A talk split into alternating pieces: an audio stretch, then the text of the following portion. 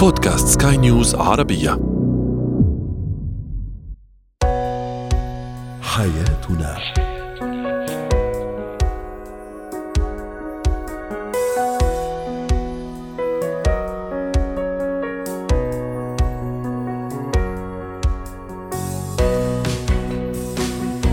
مستمعينا الكرام أهلا بكم معنا إلى حياتنا فضاؤكم اليومي الذي يعنى بشؤون الأسرة وباقي الشؤون الحياتية الأخرى والذي يمكنكم الاستماع إليه عبر منصات سكاي نيوز عربية dot com slash podcast وباقي منصات سكاي نيوز عربيه الأخرى. شاركونا عبر رقم الواتساب 00971 561 88 622 معي أنا ابتسام العكريمي. اليوم نتحدث عن الأزواج الذين يشركون تفاصيل حياتهم الزوجية مع الأقارب، كيفية التعامل مع الطفل المتطلب ومهارة التحكم في منسوب اللطف الزائد لدى التعامل مع الآخرين.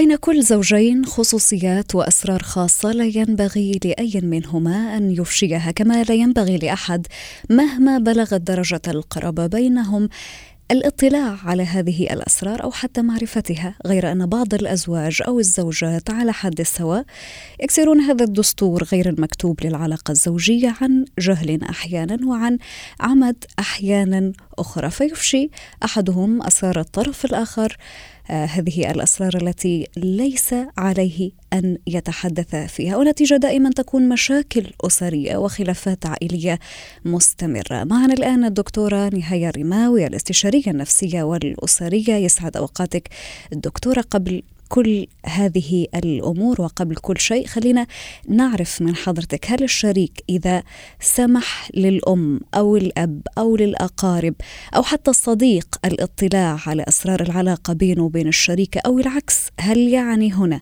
أنه أخطأ أم أن هناك حدود حتى للكلام الذي يقال؟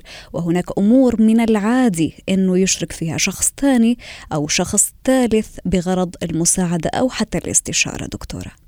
هلا الموضوع جدا مهم وزي ما حكيتي قبل شوي إنه قد يكون عن جهل وقد يكون عن تعمد.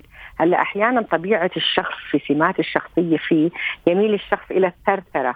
فهو يثرثر في اي يعني في كل مكان يعني يثرثر للصديق للأهل أسرار خاصة. وهنا يكون مشكلة عند أحد هذول الشريكين اللي هي مسألة الثرثره وكيف يضبط الأحاديث وكيف يتحكم بما يجب أن يقوله. لكن في بعض الأحيان يتعرض الشريكين مثلا لنفترض إلى المشاركة مع الآخرين نتيجة وجود مشكلات. يعني المشاركة بالأسرار الزوجية وخاصة الجنسية منها. طبعا هي من الأمور آه اللي هي أمور السيئة في العلاقة الزوجية. أن تفشي أسرارك إذا لم يكن هناك مشكلة. لكن أنك تفشيها للأصدقاء المقربين بهدف الشكوى أو بهدف أنك أنت بدك تفرغ التفريغ حتى ترتاح. هنا قد يلجأ الإنسان إلى صديق مقرب ما يعني الأب أو الأم يعني أم الزوجة أو أبوها أو العكس بالنسبة للزوج أيضا. تمام. هلا ممكن إنه كمان يفشي إذا كانت طبيعة إنه إذا أنا حكيت المشاكل أو ما يدور داخل هذه الأسرة للأب أو الأم وكانوا الأب والأم ما عم بياخذوا قرارات أو مثلا تصرفات أو سلوكات بناء على ما يحدث. يعني في أمهات ممكن يصير عندها غضب أو, أو أباء يعني آباء فبصير بالتالي بيأثر على الشريك الآخر. يعني تكون في ردود فعل للطرف الثاني. أها. فإذا كان انه والدك أو والدتك أو والدك أو والدتك عم بيعملوا ردود فعل وبياخذوا مواقف شخصية وما بيحاولوا يحلوا المشاكل هم بس مستمعين يفضل عدم البوح لهم. لأنه أنت كمان بدك تصير تطلع على النتائج. مش مهم إنه أنا أحكي أو أشارك. أحيانا يلجا إلى الأهل. لكن نحن كأخصائيين أسريين أو مثلا في العلاقات الزوجية صار هناك نسبة كثير منتشرة. فنحن بننصح إنه دائما ما تشارك حاول ما تشارك الأهل إلا في الأمور اللي بتحس إنه أنت فقدت السيطرة فيها إذا كانوا هم عندهم حكمة أو عندهم قدرة على التدخل بدون تحيز. عند الضرورة القصوى يعني. الضرورة القصوى آه، لأنه إحنا أحيانا الزوج والزوجة بصير بينهم مشاكل وبعد يوم يومين ثلاثة أسبوع شهر تنحل. لكن إذا شاركنا فيها الأهل هي تتفاقم.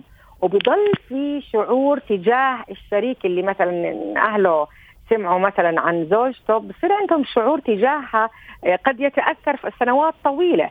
فلذلك بنحاول إنه إحنا في الأمور اللي بنحس فيها حساسية عالية يعني ستؤثر على استمرارية العلاقة. نعم. نرجع فيها للأهل كنوع من المشاركة وخاصة إذا كان لديهم حكمة، وإذا عجزت أو حسيت إنه أنت مش قادر إنك تمسك حالك في إنك تبوح أحيانا اللجوء إلى صديق آه، مقرب آه، يعني بدون تفاصيل تخدش حياه الأسرة.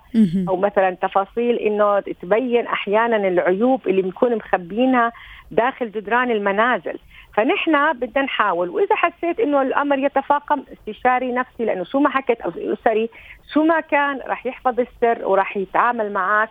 بحيادية تامة ويحاول يحل المشاكل ومنها بصير تنفيذ ومنها بصير حلول ومنها بيكون إصلاح ذات البين أو في المشاكل اللي قد تتفاقم بينهم. جميل جدا دكتورة نهاية نقل المشاكل التي تحدث بين الشريكين وإخراجها من باب عش الزوجية له الكثير من التبعات كما تفضلت حضرتك بالحديث منذ قليل، أحيانا يصل حتى إلى حد مشاكل تصل إلى حد الطلاق، فما البديل لذلك؟ هل مثلا بالحوار بين بين الزوج وزوجته أو هل ممكن أني أستشير خبير كما تفضلتي حضرتك أيضا عشان ينصحني وهيك أكون أنا تجنبت كل هذه المشاكل اللي ممكن أنها تؤدي بنهاية علاقتي الزوجية. آه، الحوار جزء كثير مهم في العلاقة الزوجية وإنه نتفهم إنه ممكن يحدث بيننا مشاكل آه، تكون فترة سكون يعني نهدى فيها بالبداية بعدين لما نحس حالنا هدينا بنناقشها وبنحط النقاط على الحروف. إذا عجزنا وكل واحد تمسك برأيه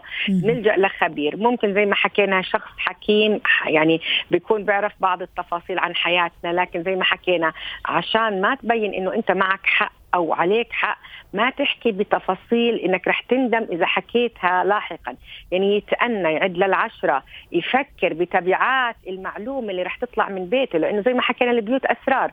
وإذا انتشرت هاي الأسرار ما بنعرف متى يخون الخائنون متى بالضبط. هاي الأس... ممكن تنتشر ممكن في العيلة مثلا يصير معيار ممكن يصير في حديث من وراء زي ما بحكي ظهرهم أو من بغيابهم. فهي رح تأثر على سمعتهم كشريكين وكعائلة وبصيروا ناس يعرفوا أشياء ما كان لازم يعرفوها من خلال انفعال أحد الطرفين في هذه العلاقة الزوجية وإنه ما عرف يضبط أف... آه، يعني مشاعره. أعصابه نعم. بالتالي أباح آه طبعا. تمام.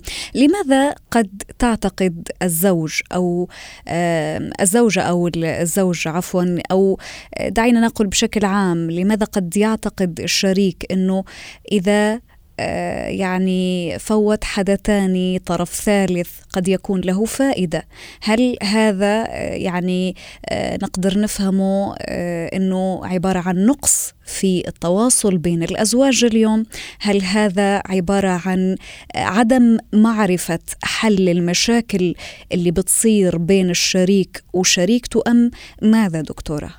الذكاء عند الأشخاص لما يكون في عندك نسبة ذكاء عالية فأنت بتدخل طرف ثالث في الوقت المناسب.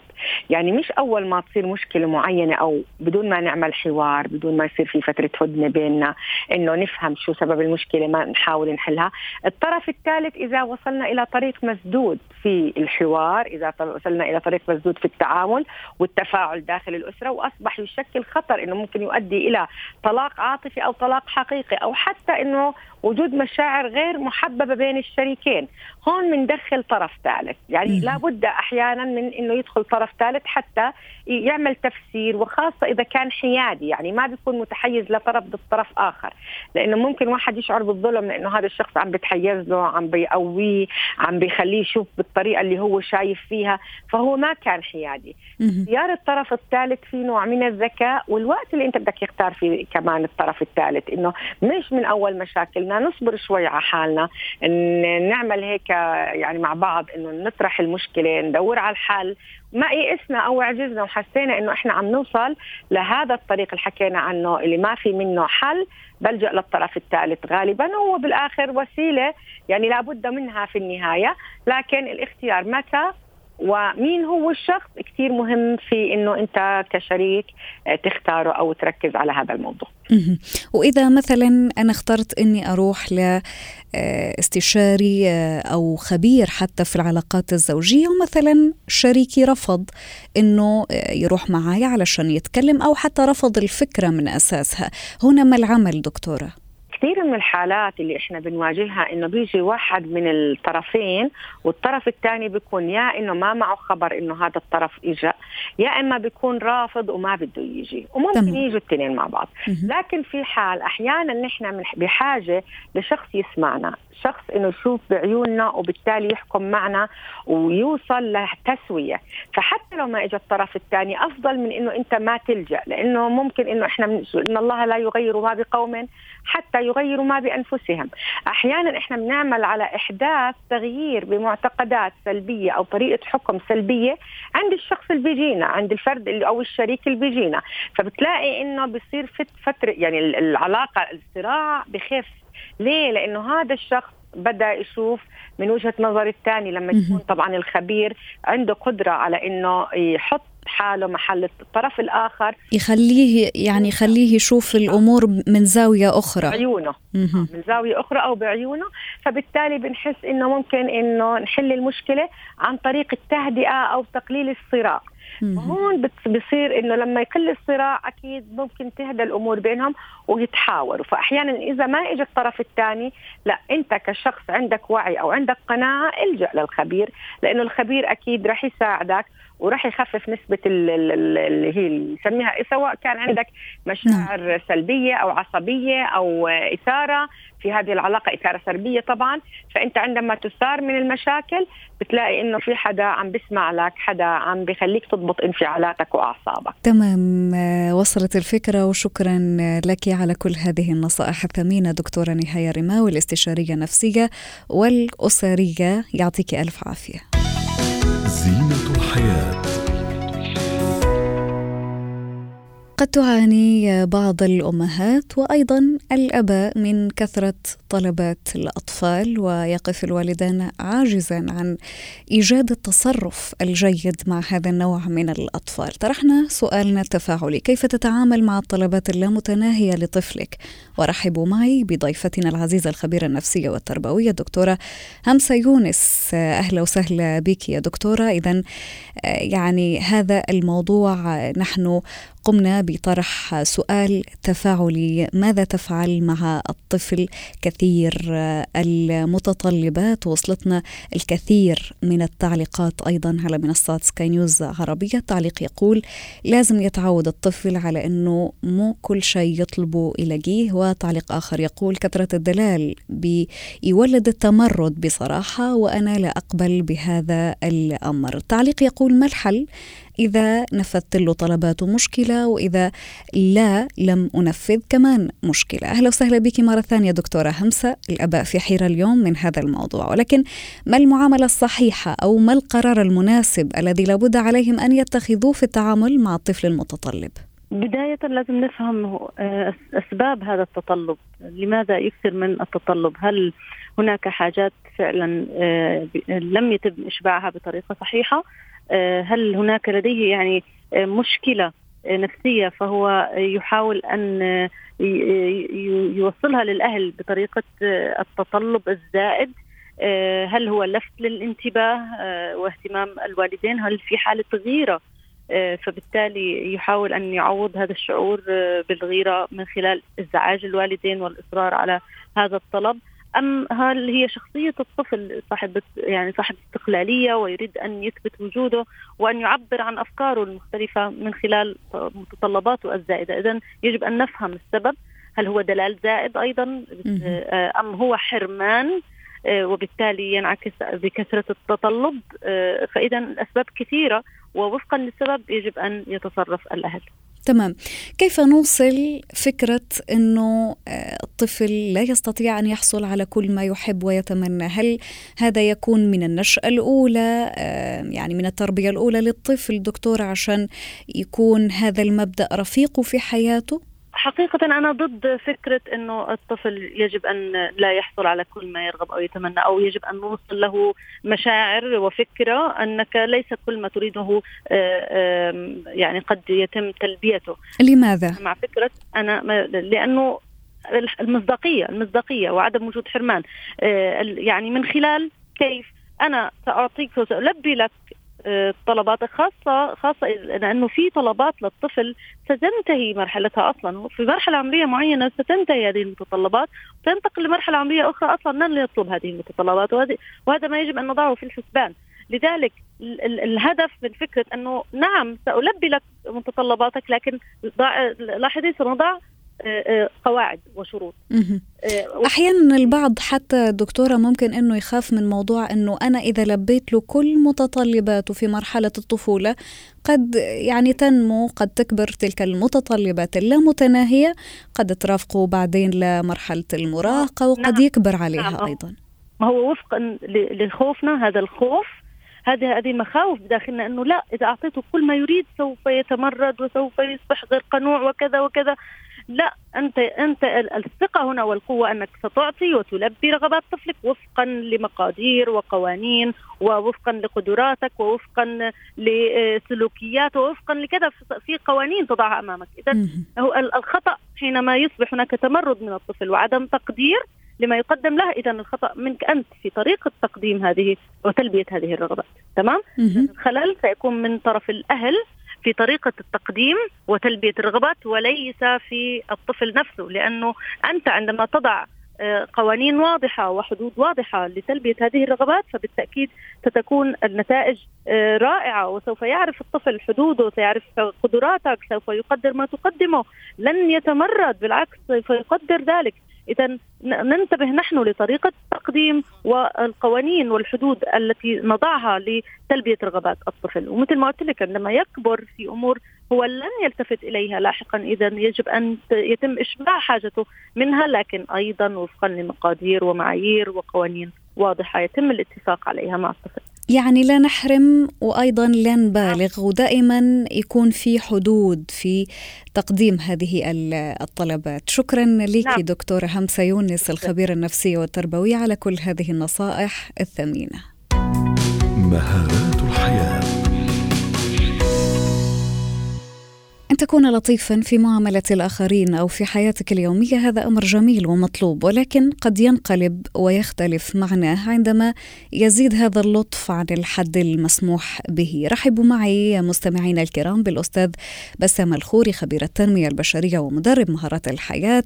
أهلا وسهلا بك أستاذ بسام. البعض يعتقد أنه التحلي باللطف الزائد عن الحد في التعامل مع الآخرين من شأنه إهدار الكثير من الحقوق المشروعة لدى الفرد في الحياة اليومية، ما رأيك بذلك؟ آه، مرجوعنا بده يكون أصل أي مفهوم مرجوعنا هو الله.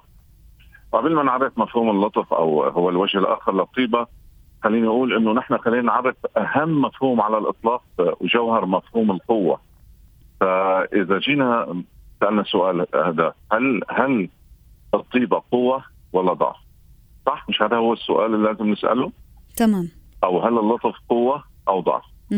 جوهر جوهر مفهوم القوة نرجع بقى على جوهر مفهوم القوة طبعا القوة في قوة كبيرة جدا آه، يعني أقواها هي انفجار السوبر نوفا لكن إذا جوهر مفهوم القوة عرفناه هو ما ي... كل ما يقربنا من الله قوة وكل ما يبعدنا عن الله ضعف فهل نحن باللطف نتقرب من الله ولا بنبعد؟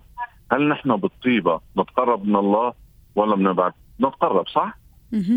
طيب إذا معناتها معنى الحديث إنه نحن كل ما زاد عنا مفهوم الطيبة أو اللطف في التعامل وهم آه، وجهين لعملة واحدة نحن أقوياء. لكن عندنا مشكلة كبيرة جدا.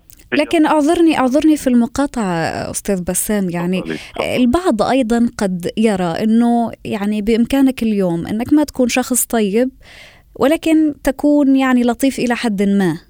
يعني في معاملاتك في آه، تعاملك مع مع الناس آه، في حياتك اليومية آه، لابد أنه يكون عندك الحد الأدنى من اللطف. ولكن هذا أيضا لا يعني بالضرورة أنه في أعماق الشخص أنه ذلك الشخص هو شخص طيب أيضا. صحيح. ولا ممكن مثل الطيبه أو مثل اللطف ده تمثيل. بس أنا بتكلم عن جوهر مشان هيك قلت الجوهر. الجوهر إذا بدنا نجيبه من من الله.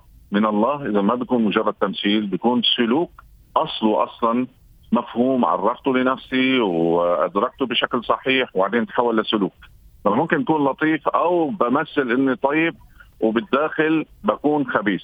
هذا بتصير. أنا بنتكلم عن جوهر المفهوم. تمام. هل أنا آه، آه، يعني أدركته بشكل صحيح أخذت بالمعنى واتصفت فيه. يعني صارت الصفة تبعي صفة الطيبة.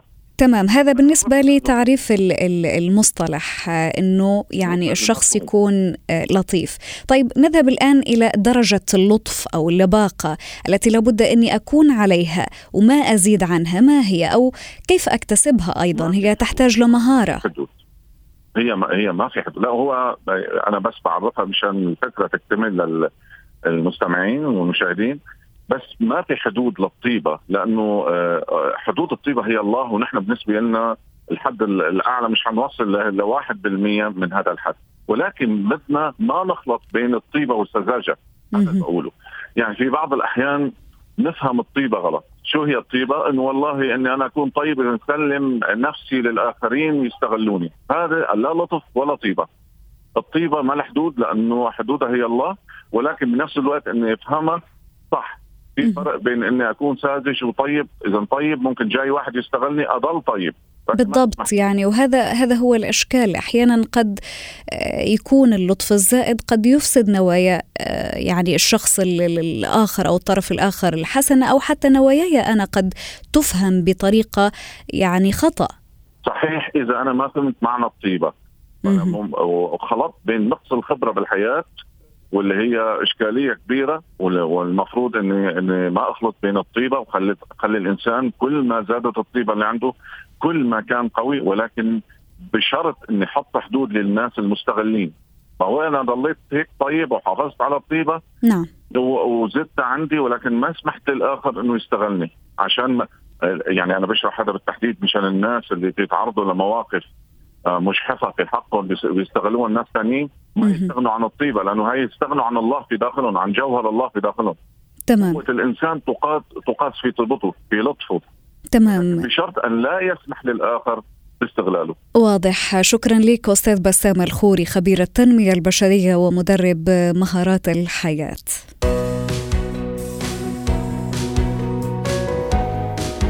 ختام حلقة اليوم من برنامج حياتنا. شكرا لطيب الإصغاء وإلى اللقاء.